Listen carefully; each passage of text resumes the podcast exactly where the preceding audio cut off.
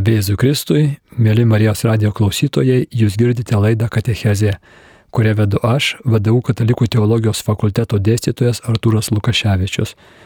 Tęsime paskaitų ciklą Dvasinės ekologijos bibliniai ir teologiniai pagrindai. Žvelgime į žmogų kaip dviejų organizmų - materialaus kūno ir dvasinės sielos vienovę. Žvelgime į Tomo Kviniečio amžiną įstatymą tą mintį, kad visas pasaulis, visa kūrinyje yra sukurta pagal tam tikrą tvarką, tam tikras struktūras, tam tikrus dėsningumus. Ir materialiam pasaulyje dėl tų dėsningumų niekas nebejojame, juos tyrinėja gamtos mokslai, fizika, chemija ir kiti, bet e, Tomo Kviniečio mintis, kuri taip pat yra ir kitose religijose įvairiom formom sutinkama, tai kad dvasinės pasaulis, kuris taip pat realiai egzistuoja, irgi turi savo tam tikrus dėsningumus. E, viskas, kas sukurta, yra sukurta pagal tam tikrą tvarką. Yra sukurta taip, o ne kitaip. Yra dalykai taip, o ne kitaip. Ir tame tarpe ir dvasinio pasaulio dalykai yra kažkaip, bet ne bet kaip.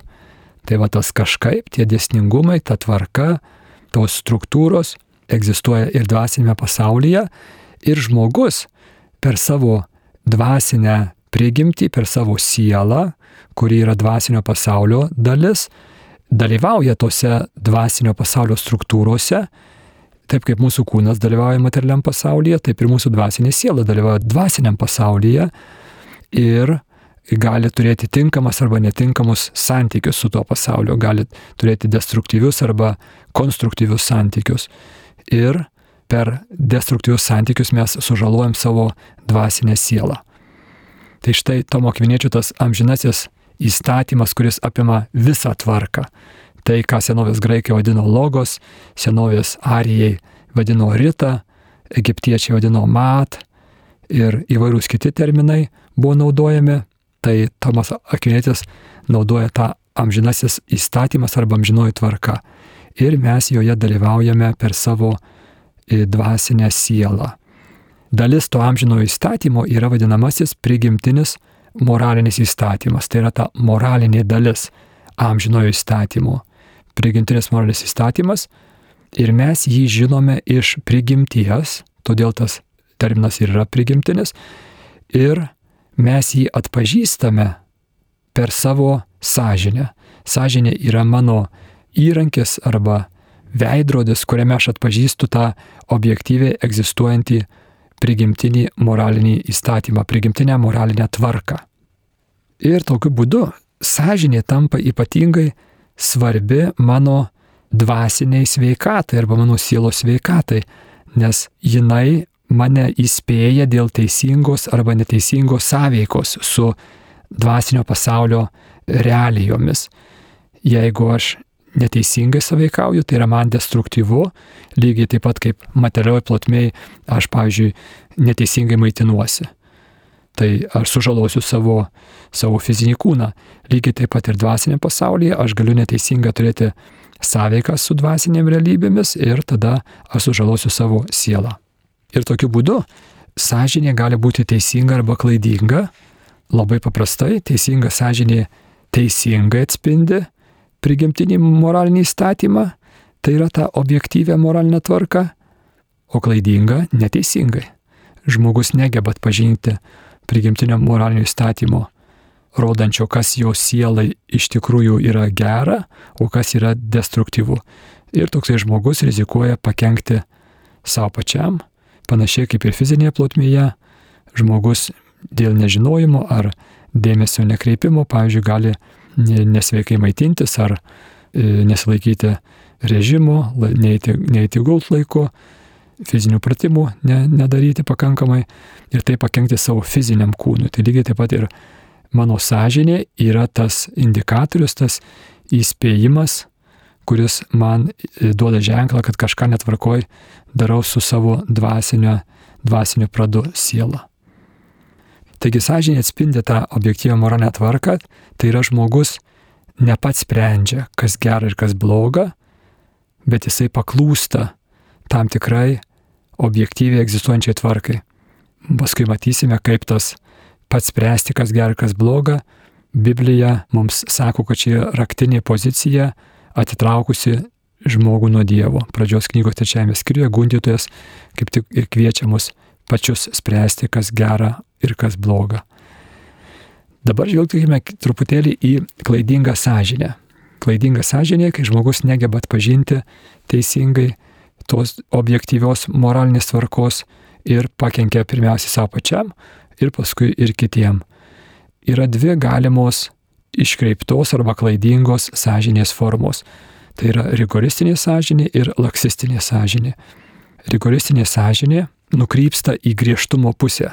Jis mato problemas ten, kur jų iš tikrųjų nėra. Tai yra perlenkimai į griežtumo pusę, religinė plotmė tai pasireiškia skrupulais, pavyzdžiui, arba nerimu. Žmogus mano, kad padarė kažkokį tai moralinį nusižengimą, kai iš tikrųjų jo nepadarė. Priežastys gali būti labai įvairios, reiškia ir auklėjimas, ir psichologinės, emocinės priežastys gali būti. Iš esmės tai yra noras užsitikrinti, užsigarantuoti Dievo palankumą, nelabai pasitikint Dievu, todėl Dievą reikia kontroliuoti. Būtų rigoristinė sąžinė.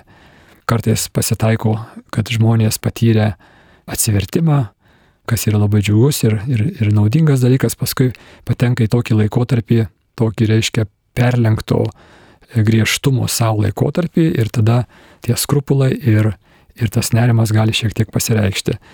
Kaip šitą sutrikimą sąžinės gydyti? Nu, bendrai man tai būtų pasitikėjimo dievų ūkdymas, paklusimas dvasios vadovui. Vėlgi, rigoristas papuola į tuos pačius pastus, jisai mano, kad jis geriau žino negu jo dvasios vadovas, negu bažnyčia ir vėl reikia perduoti sprendimo galę kitam. Ne pats sprendžiu, kas gera ir kas bloga, bet paklūsiu savo dvasios vadovui, ar nuodėmklausiui, ar bendraja prasme bažnyčiai ir leidžia jiems nuspręsti, o pats paklūstu. Dabar šitas sutrikimas nėra toks paplitęs, nors yra žmonių, kurie nuoširdžiai stengiasi gyventi tikėjimo gyvenimą ir, ir patiria šitų problemų. Vėlgi nenusiminkime ir nemažai šventųjų patyrė skrupulus, ypatingai savo dvasinės kelionės pradžioje. Pavyzdžiui, šventoji kūdikėlio Jėzos Teresėlė, e, mažoji gelelė irgi rašo apie tai, apie skrupulus. Tai nereikia nusiminti, tai yra tam tikras nebrandumas ir su laiku jisai siela išsitiesina ir susitvarko. Dabar kita problema yra daug labiau paplitusi ir ko gero nemažiau problemų kelianti, tai yra laksistinė sąžinė kuri nemato problemų ten, kur jos yra. Reiškia, laksistinė sąžinė yra sąžinės nutildymas, sąžinės nekalbėjimas tada, kai reikėtų kalbėti. Toks stiprus pavyzdys būtų šiandien nemažai moterų, ypatingai vakarų pasaulyje, mano, kad abortas ypatingai ankstyvosiuose savaitėse nėra jokia problema, jas masiniai kultūrai įtikino tuo ir jos e, įsitikinusios, kad čia nieko tokio arba net dar gal paprastesnis pavyzdys būtų kontraceptikų naudojimas. Daugybė žmonių, net katalikų, yra įsitikinę, kad tai yra nedidelė bėda. Ir toje srityje sąžinė yra nutildoma, nors bažnyčia sako, kad tai yra problema ir žmogus pats sprendžia, kas gerai, kas bloga, tai yra jisai mano, kad šiuo atveju problemos nėra. Čia yra nemenka klaida. Dažnai žmonės galvoja, net jeigu ir problemų yra, bet aš jų nematau, tai aš nuo to nenukenčiu. Dar kartą pagalvokim apie šitą mintį, čia yra svarbu. Daug žmonių sąžinės rytyje mano šitaip. Jeigu aš problemų nematau, tai jų man ir nėra. Ir klaida didelė yra, nes elgdamasis nedorai, bet nežinodamas to dėl klaidingos sąžinės, aš vis tiek patirsiu destruktyvę to blogo veiksmo įtaką, kuri pasirodys arba išlys įvairiausiamis formomis, dažnai net pažintomis formomis, pavyzdžiui, neapibrieštų nerimų, baimėmis, žema savivertė, vienišumo jausmų, negebėjimu bendrauti, agresyvumu ir taip toliau. Čia iš esmės panašu į vaikišką polinkį slėptis nuo visų pavojų po antklodę žinote, vaikai kartais kokia nelaimė atsitinka, ar, ar žaidžia su degtukais ir užuolda sudega, pradeda jau degti ir, ir, ir balda, ir, ir reiškia, kambarys pradeda degti ir, ir jie slepiasi po lovą arba po antklodę. Tai čia yra panašus dalykas. Reiškia, jeigu aš problemos nematau, tai jos ir nėra. Ne, problema egzistuoja nepriklausomai nuo mano matymo arba nematymo. Kaip pavyzdį galėtume paimti pornografiją. Šiandien pornografijos daug kas nemato kaip problemos. Tai rodo plačiai paplitę internetiniai puslapiai, viešai reklamuojami ir daugybė žmonių mano, kad čia yra toks beveik nekaltas pramogavimas bet tas žinojimas, tas manimas, kad tai nekenkia, neapsaugo jų nuo pornografijos pasiekmių, kurie yra gerai žinomi. Tai tie žmonės, kurie žiūri pornografiją, turi žemesnę savivertę, patiria didesnį vienišumą, turi didesnį nepasitenkinimą savo intimiu gyvenimu. Suprantama, kad e, niekada žmogus e, realybėje neturės to, ką dirbtinai sukuria kompiuteriu arba aktoriai apmokyti, tas atrodymas, kuris sukūriamas visą laiką viršys realybę ir, ir tai įstumia žmogų į nuolatinį nepasitenkinimą savo realiu intimiu gyvenimu arba tai, kad jisai savo intimumo, savo litiškumo galės naudoja promogavimo sričiai, tai automatiškai jas patraukia iš bendrystės užmėsgymo, gilios bendrystės užmėsgymo srities ir tokie žmonės patiria vienišumo daugiau tai matome, kad pasiekmės nepriklauso nuo to, ar to žmogaus sąžinėje prabyla, ar jinai jau yra nutildyta. Škia, e, vėlgi kreipiu labai jūsų dėmesį į tai, kad dvasinis pasaulis yra realus, jis egzistuoja pagal tam tikrą tvarką, tam tikri dėsningumai jame yra ir mes su tuo dvasiniu pasauliu ir jo dėsningumais turime konkretų ryšį per savo sielą ir labai svarbi, bet ne vienintelė jos gale būtų sąžinė. Per savo sąžinę, kuri įspėja mus apie pavojus mus, mums e, kylančius netinkamame santykė su dvasiniu pasauliu. Kaipgi mūsų sąžinė yra nutildoma arba kaip jinai tampa laksistinė. Iš esmės ją nutildo palaipsniui pasirinkimai neklausyti sąžinės. E, galime prisiminti kokį nors konkretesnį atvejį savo gyvenime, kai pasirinkome atpažinti, daugumą iš mūsų galim prisiminti, ir, ir reiškia, atpažinti tą pasirinkimą neklausyti sąžinės. Galbūt tai buvo mokykloje, kur pasirinkome nesikišti vykstant patyčioms, iš baimės, kad pats nukentėsiu, arba iš noro būti populiariu, ar kažkaip tai panašiai, mes jaučiame, kad einame prie savo sąžinę dėl kokių tai priežasčių ir vis dėlto pasirinkame taip daryti. Tai va tokie pasirinkimai nutildo sąžinę, susiformuoja įprotis, moraliai blogai elgtis. Yra toks e, liūdnas juokas, sakoma, sunku nužudyti tik pirmą kartą.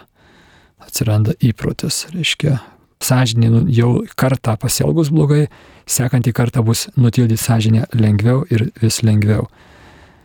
Netvarkingai saugodami save nuo skausmo, egoistiškai saugodami save nuo skausmo ir siekdami malonumo, mes pasirenkame užmigdyti arba nutildyti sąžinę. Iš esmės tai yra pasirinkimas būti pusiau apmirusiu arba pusiau numirusiu.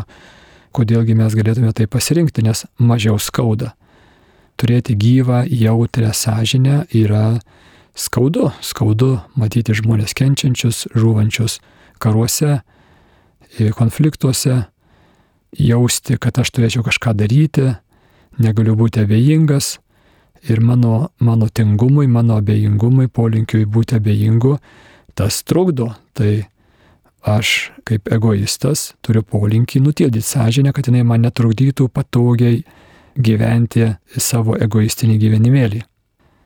Iš esmės čia yra pasirinkimas tarp dviejų skausmų - tarp buvimo gyvų skausmo ir buvimo pusiau mirusių skausmo. Bet ir vienu ir kitu atveju skauda. Vienu atveju skauda, nes sąžinė labai gyva ir jautri, ir ją žaidžia gyvenimo sunkumai ir neteisybės, iš kitos pusės skauda būti pusiau mirusiu.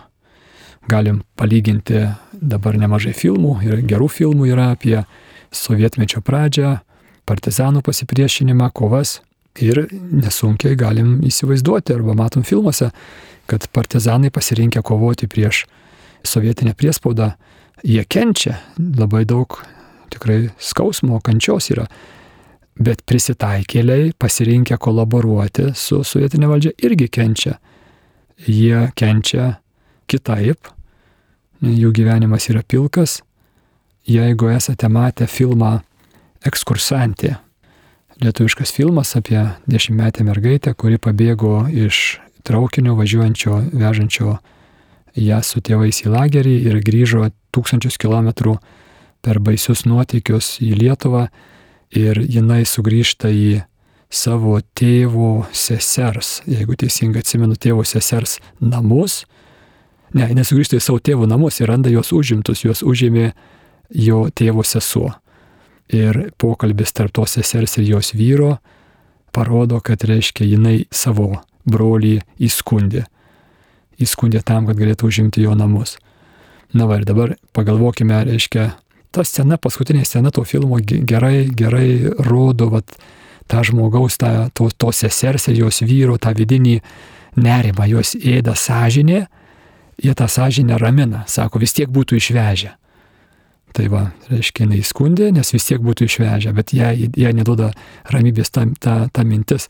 Ir, reiškia, jinai tą slopina tą sąžinę ir galim nesunkiai įsivaizduoti, koks baisus gyvenimas jos laukia, jos ir jos vaikų. Reiškia, jie gyvens nuolatinėje įtampoj, kalties jausme. Tai didžiulė dvasiniai ne ekologija, toks, toks, toks gyvenimas yra. Toks, reiškia, save nuolat marinti, būti pusiau mirusiu, nes būti gyvu per daug skauda. Tai toks posakis yra, ar geriau potauti su priešais, ar geriau verkti su draugais. Abiem atvejais bus skausmo, net ir puotaujant su priešais, bus vidinio skausmo ir žmogus renkasi.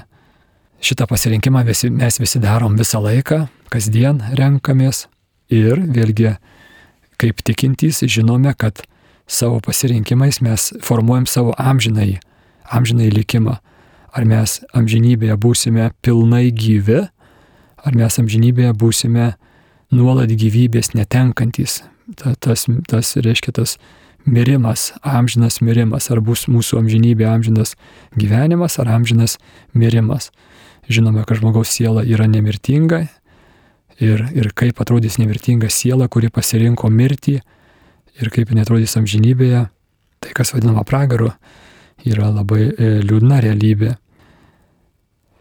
Dabar žvelgime toliau ir kelkim klausimą, kaipgi sąžinė nutildo pasinėrimas į masinę kultūrą. Ji kaip madingas arba mokslinės siūlo įvairiomis formomis netvarkingai, egoistiškai siekti savęs patenkinimo, būti vartotoju. Vartotojiškas požiūris į viską.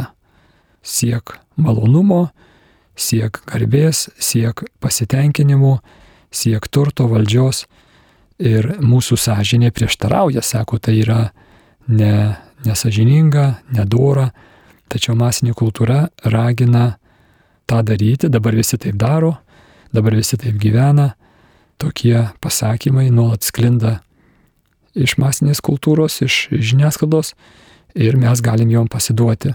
Kartais ir mokslas pasitelkiamas kaip neva mokslo pagrindu mums siūloma gyventi egoistinį gyvenimą, ar tai litiškumo plotmėje, ar tai kitų malonumų plotmėje. Tai ką dabar daryti? Turiu samoningai atriboti save nuo masinės kultūros ir reikalinga disciplina reguliariai maitintis nevartotojiškose šaltiniuose.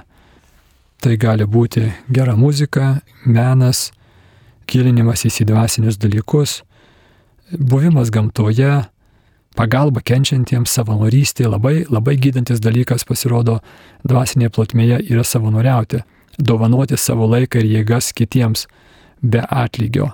Tai seniai jau pastebėta, kad tai, kad tai labai gerina žmogaus ir psichinę, ir, ir dvasinę būklę. Taigi tikėjimo praktikavimas, tie dalykai yra prieš nuodis, tai bandykime didinti jo kiekį mūsų gyvenimuose, nes tikrai esame panardinti į masinę kultūrą, kuri labai agresyviai siūlo, kiša mums įvairiausias vartotojiškumo e, formas. Klaida, kai žmonės kartais sako, aš per televiziją arba internete žiūriu viską, bet aš moku atsirinkti. Čia yra didžiulė klaida. Šiuo atveju žmogus neatsižvelgia į tai, kad mes esame labai pažeidžiami. Ir televizija ar internetas e, ar kitos žiniasklaidos formos, jos e, veikia labai galingai ir mūsų protas kaip cenzūra nespėja ir nesugeba į viską sureaguoti. Ir čia didžiulė problema yra tikrai žmonės, kurie taip daro, jie neišvengiamai bus labai stipriai įtakoti ir nutildytų sąžinių, bent kai kuriuose srityse, nes mato, cenzūra, mūsų proto cenzūra apima tik tai tekstinę medžiagą, o vaizdai ir garsas, reiškia ne žodžiai, bet garsas reiškia, jie, jie apeina mūsų proto cenzūrą ir, ir mūsų protas negeba atpažinti jų blogos įtakos. Čia būtų galima palyginti su tokio eksperimento, kurio daryti nereikėtų, bet rašoma apie tai, kaip, reiškia, varlę įmetus į vandenį, jinai toj pat iššoka iš to šoko o varlę įmetus į šaltą vandenį ir tą kibirą pastatžius ant ugnies ir iš lėto kaitinant, tas kibiras, vanduo kibire užvirs, varlė išvirs, numirs ir jinai nepajus to lėto temperatūros kilimo.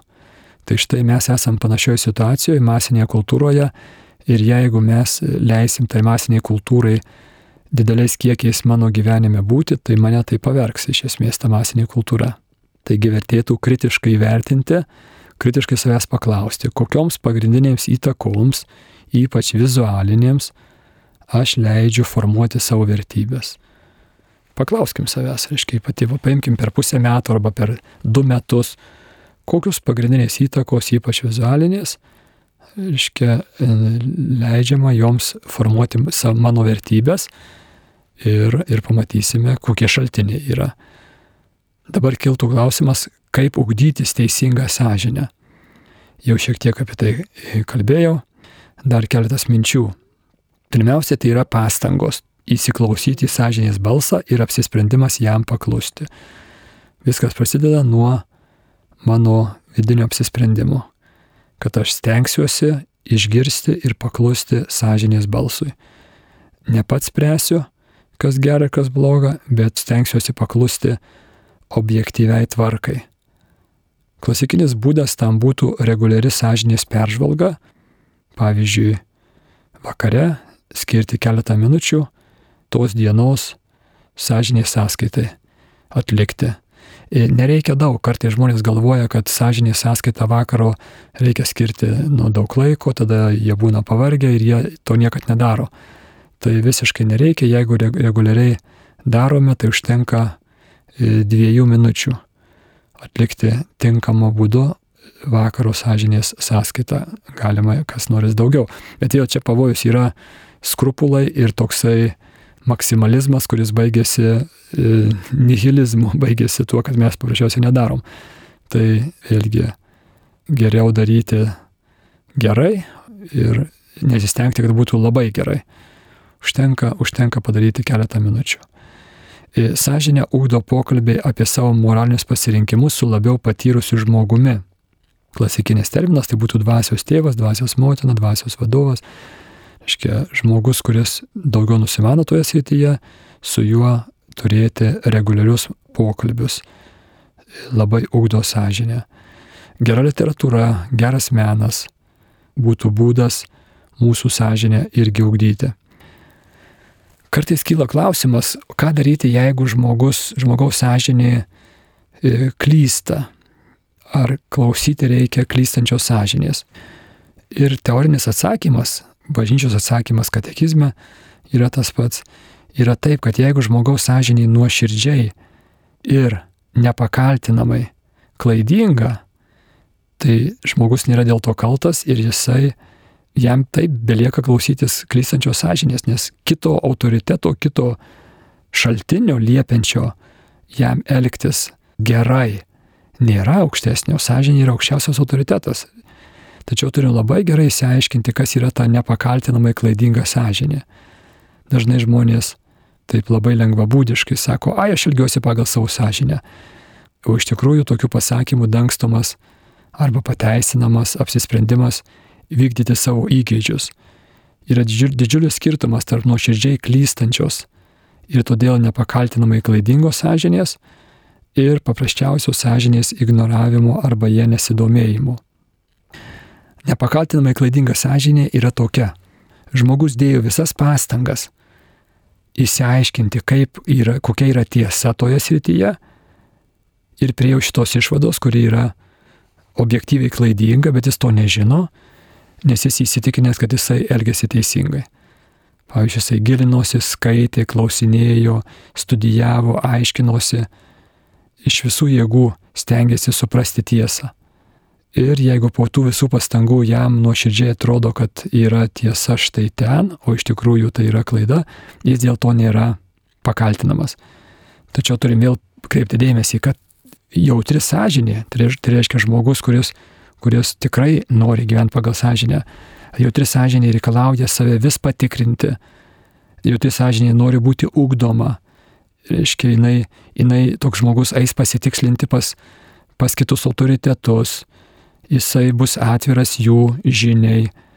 Tai žodžiu labai kreipiu jūsų dėmesį, kad praktiškai realybėje mes dažniausiai susidurėm su sąžinės ignoravimu. Tai yra žmogus lengvabūdiškai, nesiklausydamas visiškai į argumentus kitų, vykdo tai, ką jis norėtų vykdyti pagal savo įgėdžius ir, ir tą pateisina savo sąžinę. Tai yra visiškai e, ne tas pas, kas nepakaltinamai klaidinga sąžinė. Bet vėlgi, kreipkim dėmesį, net ir tuo atveju, kai žmogus, kai jo sąžinė pakaltinamai klaidinga, jo padarytas blogis lieka blogis, nešantis destrukciją ir pačiam asmeniui, ir kitiems. Pavyzdžiui, žinomas, žinomi atvejai yra, kai maži vaikai netyčia aptinka ir žiūrinėja pornografiją. Ir, reiškia, jie ne, nežino, kad tai yra blogai, bet kai kuriais atvejais tai gali įsivystyti iki didelių bėdų, didelių priklausomybių, taigi tai jiems pakenks, nors jie to nežino. Tai reiškia, ta nepakaltinamai klaidinga sąžinė neapsaugoja nei paties žmogaus, nei aplinkinių nuo destrukcijos, kurią padaro tas blogis, kurį jisai daro, nors dėl to jisai nėra kaltas, nes nemato to blogio nuoširdžiai nemato. Taip pat, jeigu žmogus iš tikrųjų klausosi sąžinės, tai Dievas ras būdų, kaip jam prakalbėti ir jį vesti. Netgi jeigu jisai yra įsitikinęs savo klaidingo pasirinkimo teisingumu, bet jeigu jisai nuoširdžiai tiki tuo, nuoširdžiai ieško tiesos, nori sužinoti tiesą, Dievas kaip taisyklė ras būdą jį patraukti pas save ir yra daug garsių atsivertusių iš ateizmo, kurie nuoširdžiai buvo įsitikinę, kad Dievo nėra, arba nuoširdžiai kovojo prieš bažnyčią, manydami, kad jie yra klaida platinanti organizacija. Toks garsus atvejis, kurį norėčiau paminėti, būtų Junktinių valstijų pilietis, žydų tautybės gynekologas, garsusis Bernardas Natansonas, kuris buvo vienas iš abortų lygos Junktinėse valstijose įkūrėjų ir šalininkų, entuziastų. Jie su kolegomis 80-ame dešimtmetyje Junktinėse valstijose, reiškia, buvo šalininkai abortų, pats jisai darydavo po 20 maždaug abortų per dieną ir įsigijo jie techniką, ultragarsinę techniką, kuri leido pamatyti, kas moters iščiose darosi aborto metu.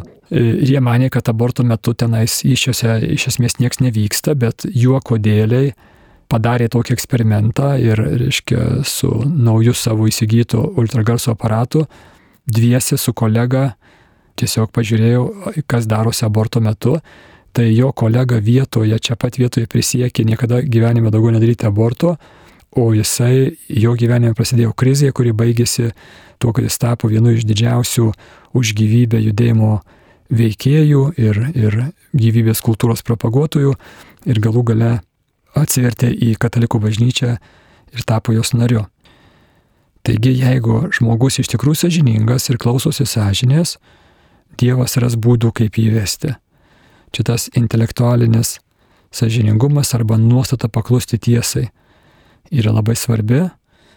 Skaitom aprieškimo knygoje, kur Jėzus sako, būk karštas arba šaltas. Bet jeigu tu būsi drungnas, tu toks, vat, nei šioks, nei toks, kartais toks, kartais toks, kai patogu pasisuki vienaip, kai patogu pasisuki kitaip, pagal savo įgėdžius, e, tai tada, tada Dievui nėra kaip prie tavęs prieiti. Sies Liujis, Liujisas, e, anglų rašytojas, buvo ateistas savo jaunystėje, paauglystėje, bet buvo sažiningas, jisai buvo sažiningas, buvo įstikinęs, kad Dievo nėra, manė, kad čia yra klaida ir savo protą naudojo sažiningai ir Dievas randa būdą, kaip jam prakalbėti, tampa iš vienu, vienu iš įžymiausių 20-ojo amžiaus krikščionybės kleidėjų ir apologetų. Kitas e, autorius, kurį norėčiau paminėti, netoks ne garsus, netoks, netoks klasikinis kaip Lysas, būtų Lys Strobel. Rašosi jo pavardė taip kaip tarėsi S-T-R-O-B-L Strobel. Yra filmas apie jį, kuris vadinasi Kristaus byla. Jisai buvo e, amerikietis, dar turbūt gyvas, jau vyresnio amžiaus dabar yra, jisai buvo baigęs labai aukšto lygio teisinės studijas ir dirbo žurnalistu, e, kriminalistikos žurnalistu e, Chicago Tribune laikraštyje. Įsitikinęs ateistas, kartu su žmona buvo ateistai, jie manė, kad, kad ateizmas yra tiesa ir, ir jo žmona per tokį gerai pasibaigusi nelaimingą atsitikimą tampa tikinčia, tampa krikščionė ir tada jos vyras Ly tiesiog dėl to labai nuliūsta, labai supyksta ir, reiškia, nori skirtis su ją, bet paskui būdamas kriminalistikos specialistas jisai sako, gerai, sako, aš skirsiu aš pašvesiu vieną savaitgalį tam, tai tavo krikščionybei ir įrodysiu, kad jinai yra blefas, aš, nu, tai, yra, tai yra pasakos ir aš tą parodysiu, pademonstruosiu. Ir jisai imasi Kristaus prisikelimo tyrinėjimų, e, užtrunka ar du ar tris metus, dabar neatsimenu tiksliai, ir tampa krikščioniu. Nes buvo sažiningas. Jisai, reiškia, jisai, jisai įsiklausė į faktus ir ir tinkamai reagavo, adekvačiai reagavo į faktus. Tai, reiškia, yra jo filmas apie tai pastatytas, vadinasi, Kristaus byla lietuviškai išvestas, rekomenduoju pasižiūrėti, lengvai rasite, laisvai prieinamas internete. Ir taip pat Ly yra savo svertimo liudymą pasakoja, tai kas anglų kalbą įvaldė, irgi galite susirasti, kur jisai tą patį pasakoja, tą filmo istoriją, kur me, meniškai gražiai pastatytas filmas, jisai tą papasakoja liudimo formatu. Šito vietoje reikėtų pakalbėti apie laisvę, apie mūsų, mes matome, kaip sąžiniai mums liepia elgtis kažkaip tai, pagal tam tikrą tvarką. Ir katalikybė, ir, ir taip pat kitos religijos sako, kad ta tvarka egzistuoja ir žmogus joje dalyvauja ir pagrindinis įrankis, kuris jam pasako, kaip tinkamai dalyvauti toje tvarkoje, yra sąžinė. Bet dabar iškyla klausimas, kas yra laisvė. Gyvename pasaulyje, kuris labai vertina laisvę ir, ir labai akcentuojama laisvė. Laisvė dažnai pristatoma kaip tokia vos nepagrindinė vertybė, kurią mes turėtume siekti ir iš visų jėgų stengtis išsaugoti. E, tačiau noriu kreipti jūsų dėmesį, kad ta populiarioji masinėje kultūroje esanti laisvės samprata e, dažnai yra nepakankama ir netgi klaidinga. Jeigu taip pabandytume apibūdinti, kaip šiandien populiariai suprantama laisvė, arba ką reiškia būti laisvu, tai dažniausiai matysime, jog reiškia tokia savai, kaip savaime suprantama priimama nuostata, kad esu laisvas, kai darau, ką noriu. Reiškia, tai yra laisvas esu tada, kai galiu vykdyti savo norus. Ir dabar kviečiu jūs e, pamastyti ir, ir, ir atidžiau truputėlį giliau pažiūrėti šitą laisvės sampratą kelkime klausimą, ar visada. Ar visada žmogus yra laisvas, kai jisai daro, ką nori.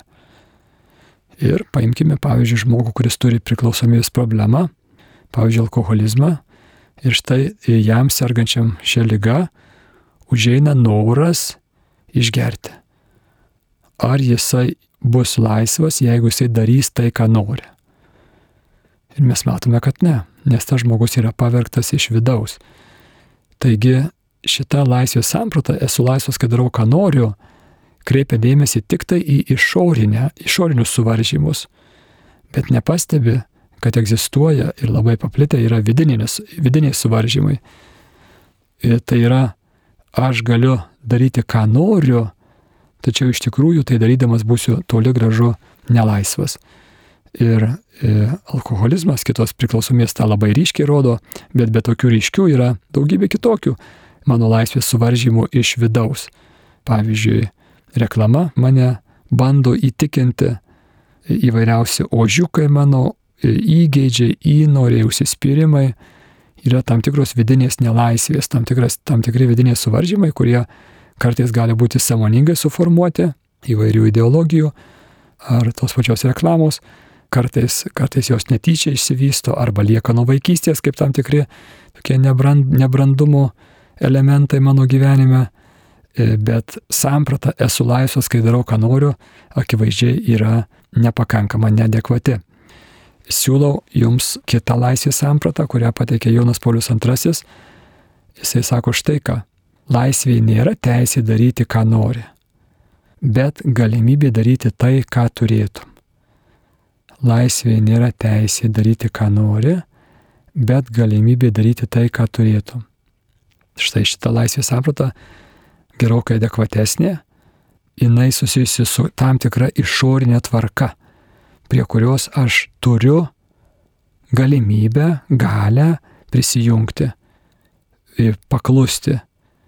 Ir va, matome, kad alkohol, net alkoholizmo atveju apima šitą laisvės sampratą, kai alkoholikui kyla noras išgerti, mes akivaizdžiai matome, kad jeigu jisai pasipriešins šiam norui ir neišgers, tai jisai padarys laisvės žingsnį, žingsnį laisvės link.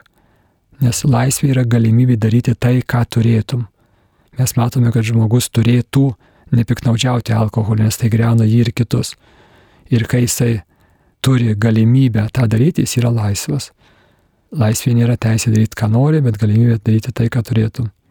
Kartais E, laisva siela, vadinamas žmogus, kuris, pavyzdžiui, leidžia savo neteiti į vakarėlį, nes jam nėra nuotaikos, nors jis buvo pažadėjęs ateiti. Bet iš tikrųjų, tai ar tai yra, lai, ar tai yra laisvė? Tikroji laisvė neleistis vadovaujamam akimirkos impulsų, o visai priešingai. Laisvas žmogus ne tas, kuris vergauja sviruojančioms savo nuotaikoms, bet tas, kurios sprendimus lemia pamatiniai pasirinkimai, nekvestionuojami pagal aplinkybės sako e, dvasinis autorius rašantis šią temą. Taigi čia užbaigime, pratęsime sekančioje laidoje. Girdėjote laidą Katechezė, kurią vedžiau aš, vadovau Katalikų teologijos fakulteto dėstytojas Artūras Lukaševičius. Likite sveiki.